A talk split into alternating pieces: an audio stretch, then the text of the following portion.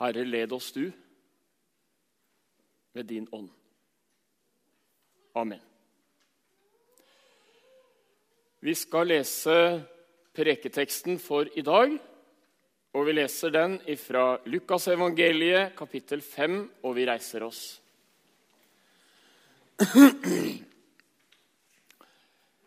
En gang Jesus sto ved Genesaretsjøen, og folk trengte seg om ham for å høre Guds ord, fikk han se to båter som lå ved stranden.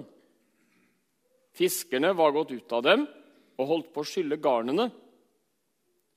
Jesus steg oppi en av båtene, den som tilhørte Simon, og ba ham legge litt ut fra land. Så satte han seg og underviste folkemengden fra båten. Da han var ferdig med å tale, sa han til Simon.: Legg ut på dypet og kast noten til fangst. Mester, svarte Simon, vi har strevd hele natten og ikke fått noe. Men på ditt ord vil jeg kaste ut garna. Så gjorde de det, og fikk så mye fisk at noten holdt på å revne. De ga tegn til kameratene i den andre båten at de skulle komme og ta i med dem. Og da de kom, fylte de begge båtene så de var nær ved å synke. Da Simon Peter så det, kastet han seg ned for Jesu føtter og sa, Gå fra meg, Herre, for jeg er en syndig mann. For alle, for han og alle som var med ham, var slått av undring over den fangsten de hadde fått. Likedan var det med Sebedeus-sønnene Jakob og Johannes, som fisket sammen med Simon. Men Jesus sa til Simon, 'Vær ikke redd. Fra nå av skal du fange mennesker.' Så rodde de båtene i land, forlot alt og fulgte ham. Slik lyder Herrens ord.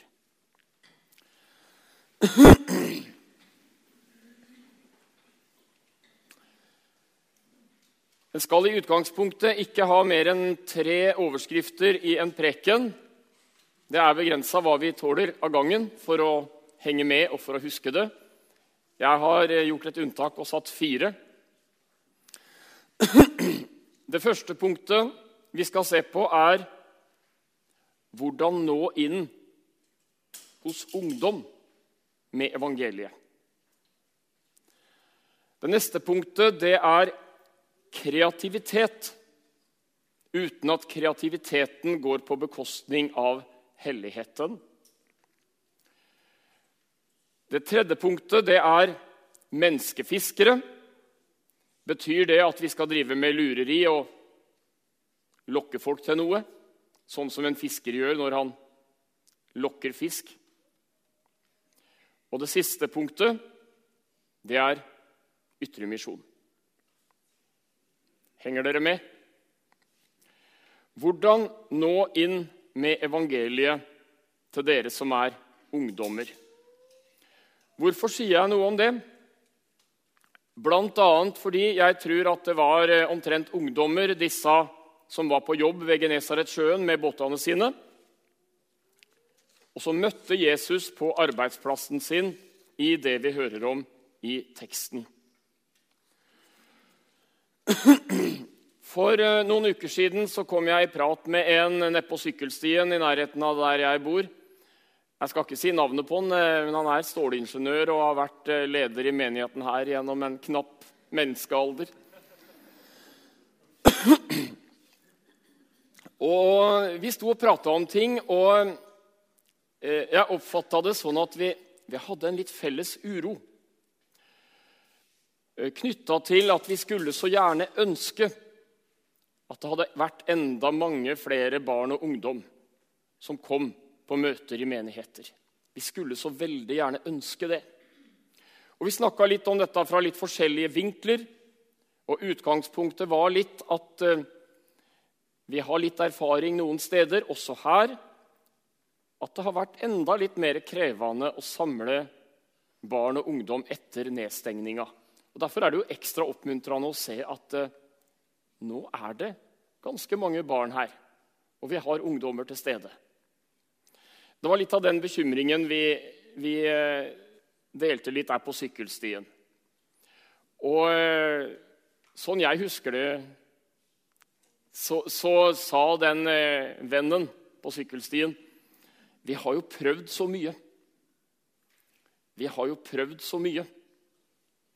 Og det var på en måte et lite ekko fra teksten i dag. Vi har holdt på hele natta. Nå er vi heldigvis ikke der at det er svarte garn. Langt ifra. Men en kan kjenne litt beslekta. Hva skal til? Hva skal til? Og noe av bekymringen er det er dyrt å være fattig. Og dere som er barn, som er her nå, jeg tror dere kjenner det. Det skal ikke så mye til av følelsen av at ja, men det er jo nesten ingen på min alder. Og det skal enda mindre til for en ungdom. Ja, men det er jo nesten ikke andre ungdommer.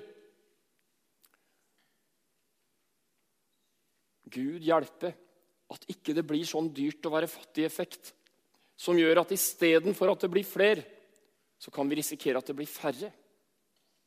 Og det er en bønn jeg håper mange kan være med på. At det vendes den veien som bygger Guds rike. Den veien som er til det beste for dere barna og for dere ungdommene. At ikke det blir svarte garn, men mange, mange, mange, også av den oppvoksende generasjon, som får del i evangeliet, den største av alle gaver som evangeliet er.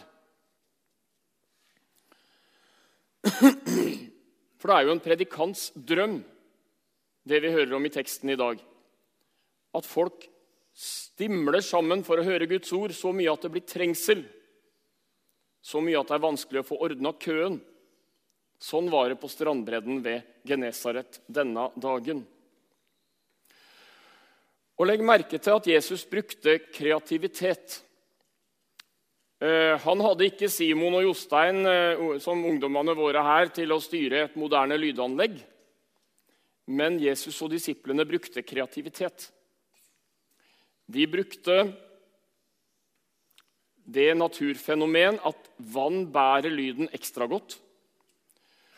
Og den fordelen det er at det er ganske bratte strandbredder opp mange steder fra Genesaretsjøen, og Dermed så får vi en sånn auditoriumeffekt som gjorde at det var lett å se og høre Jesus når han talte. Kreativitet. Det skal vi bruke. Vi skal bruke det på mange plan. F.eks. sånn som med Betvins her på Bjerkely, hvor dere nå rett før sommerferien var på tur til en foss i Lågendalen. Dere opplever ting. Det skjer ting på mange plan. Vi har fått huet for at vi skal bruke det til ære for Gud og til evangeliets fremme. Til gudstjenesten her i dag så har jeg brukt et par ungdom som rådgivere. Og det har gjort at salmevalget har blitt bedre enn om jeg hadde gjort det aleine. Jeg ønsker meg å gjøre det flere ganger. Jeg tror vi skal gjøre mer av sånt framover. Jeg tror det er viktig av mange grunner. Vi skal bruke kreativiteten som Gud har gitt oss. Og Samtidig så skal ikke kreativiteten bli et strev. Vi har strevd hele natten. Og Når jeg hører teksten i dag, så tenker jeg på en Odd Dubland-salme som, eh, som, han synger så inderlig, med svarte garn, tross strev og slit, i natt foruten blund. For tjenesten skal være gave, tjenesten skal ha noe veldig annerledes enn kavet og strevet ved seg.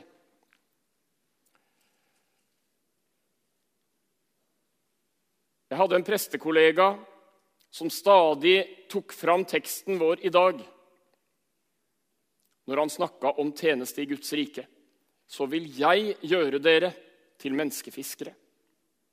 Så vil jeg gjøre. Og det er veldig annerledes enn om det blir et jag hvor bekymringer skal forstyrre for gleden. skal forstyrre for arbeidsiver, skal forstyrre for det erobrende gode, som er til beste for barna, for dere unge og for oss alle. Det er stor forskjell på det. Tjenestens evangelium. Så vil jeg gjøre dere til menneskefiskere, sa Jesus i teksten i dag.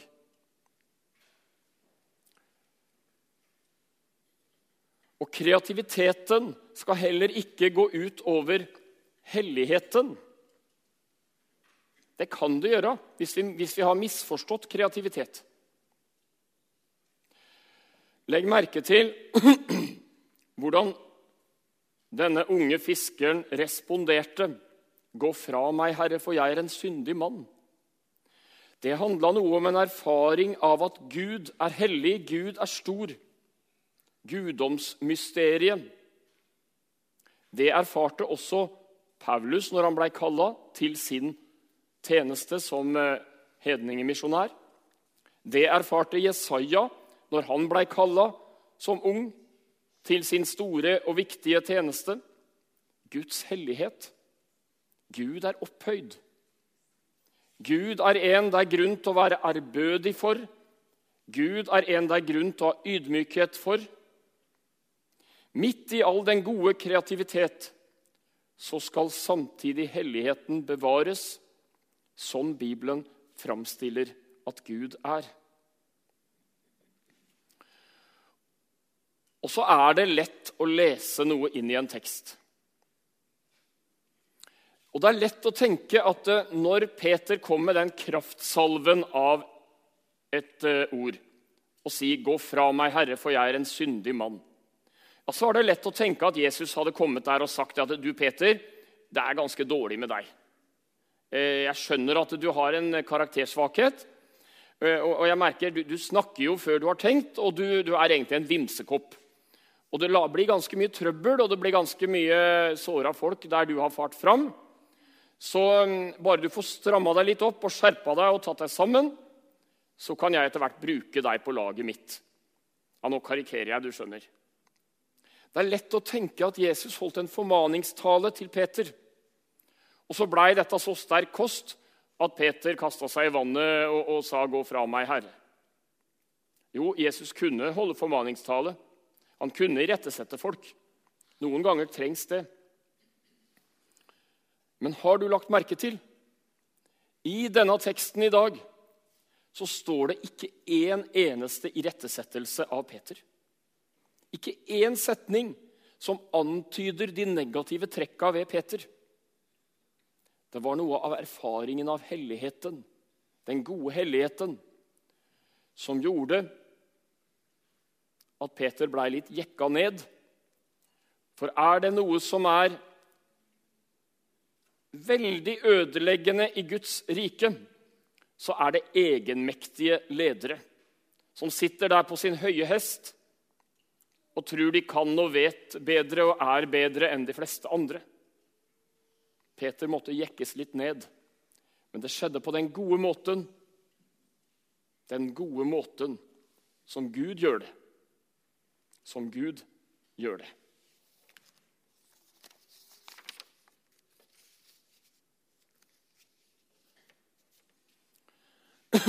Menneskefiskere jeg er egentlig ikke så glad i det ordet. Det skulle jeg kanskje ikke si fra prekestolen når det står i Bibelen.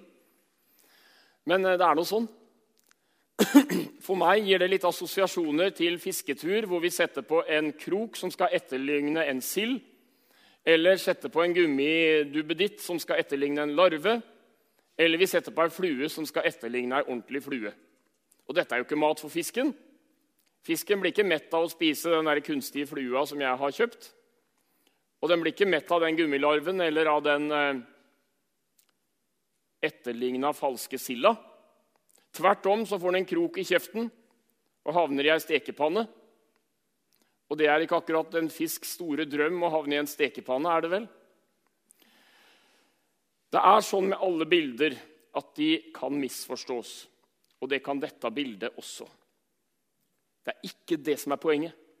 Det er aldeles ikke en parallell med det uttrykket og til det det er å spre evangeliet. Evangeliet skal aldri spres med lureri og knep og triks. Det skal aldri spres med en agenda hvor hensikten helliger middelet, og så kan vi drive med litt sånn eh, halvsannheter og lureri og, med liten skrift, og så bare folk kommer seg ordentlig på kroken, så skal de få høre at eh, jo, jo, det er ikke bare fordeler. Hør nå her. Det er ikke sånn Kirken skal drives. Aldri. Hvis den drives etter Guds hjerte. Vi har ingen rett til å lokke med Jesus som en lykkeautomat, og så får folk erfare at ja, men det var jo ikke sant. Det er ikke agn det handler om. Men det handler om at enhver kristen skal ha det i sine bønner og ha det i sine tanker hver eneste dag. Jeg er et Kristi brev. Jeg leses, jeg bedømmes. Det har betydning. Og da er det oppriktighet og sannhet som er grunnleggende. Et ord som brukes veldig ofte i Det nye og i Det gamle testamentet, det er rettferdighet. Og jeg har lagt merke til at barn er veldig opptatt av rettferdighet. Det er jammen ikke mye forskjellsbehandling en skal gjøre før barn roper til og er ganske grinete. Er det ikke sånn, da? Rettferdighet er vi opptatt av. Bibelen er opptatt av rettferdighet. Kristne folk skal ha det som sitt stadige mål. Jeg skal være rettferdig med alle. Det tror jeg er grunnleggende, også med tanke på evangeliets kår framover. Tale de nedbøyde og undertrykte sak med ord og handling. I de arenaene, i de møteplassene, i de settingene, i de relasjonene vi kommer, og i de relasjonene vi er.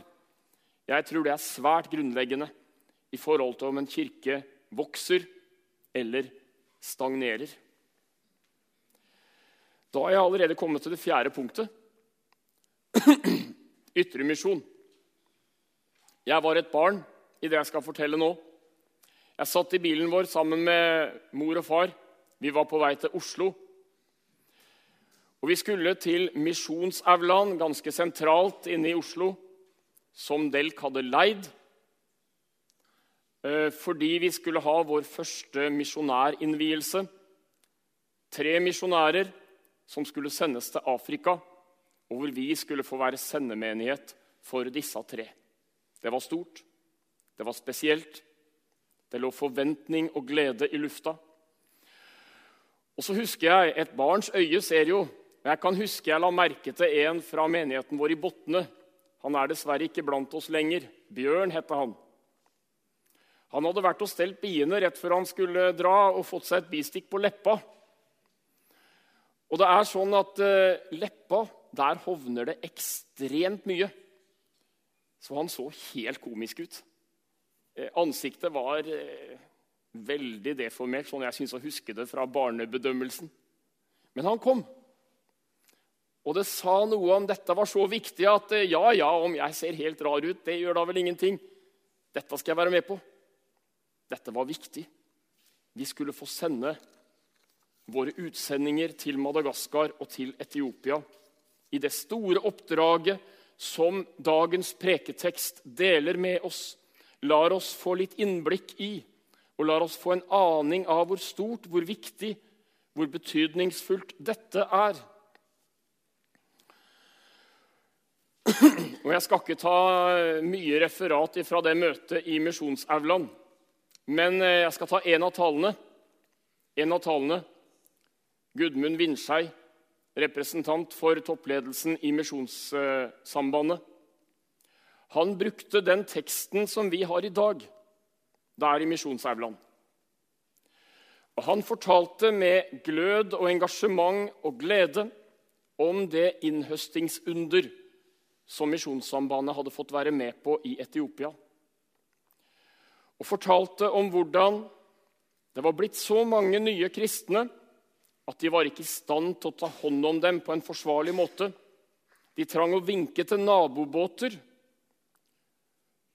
for å være med og ta vare på fangsten.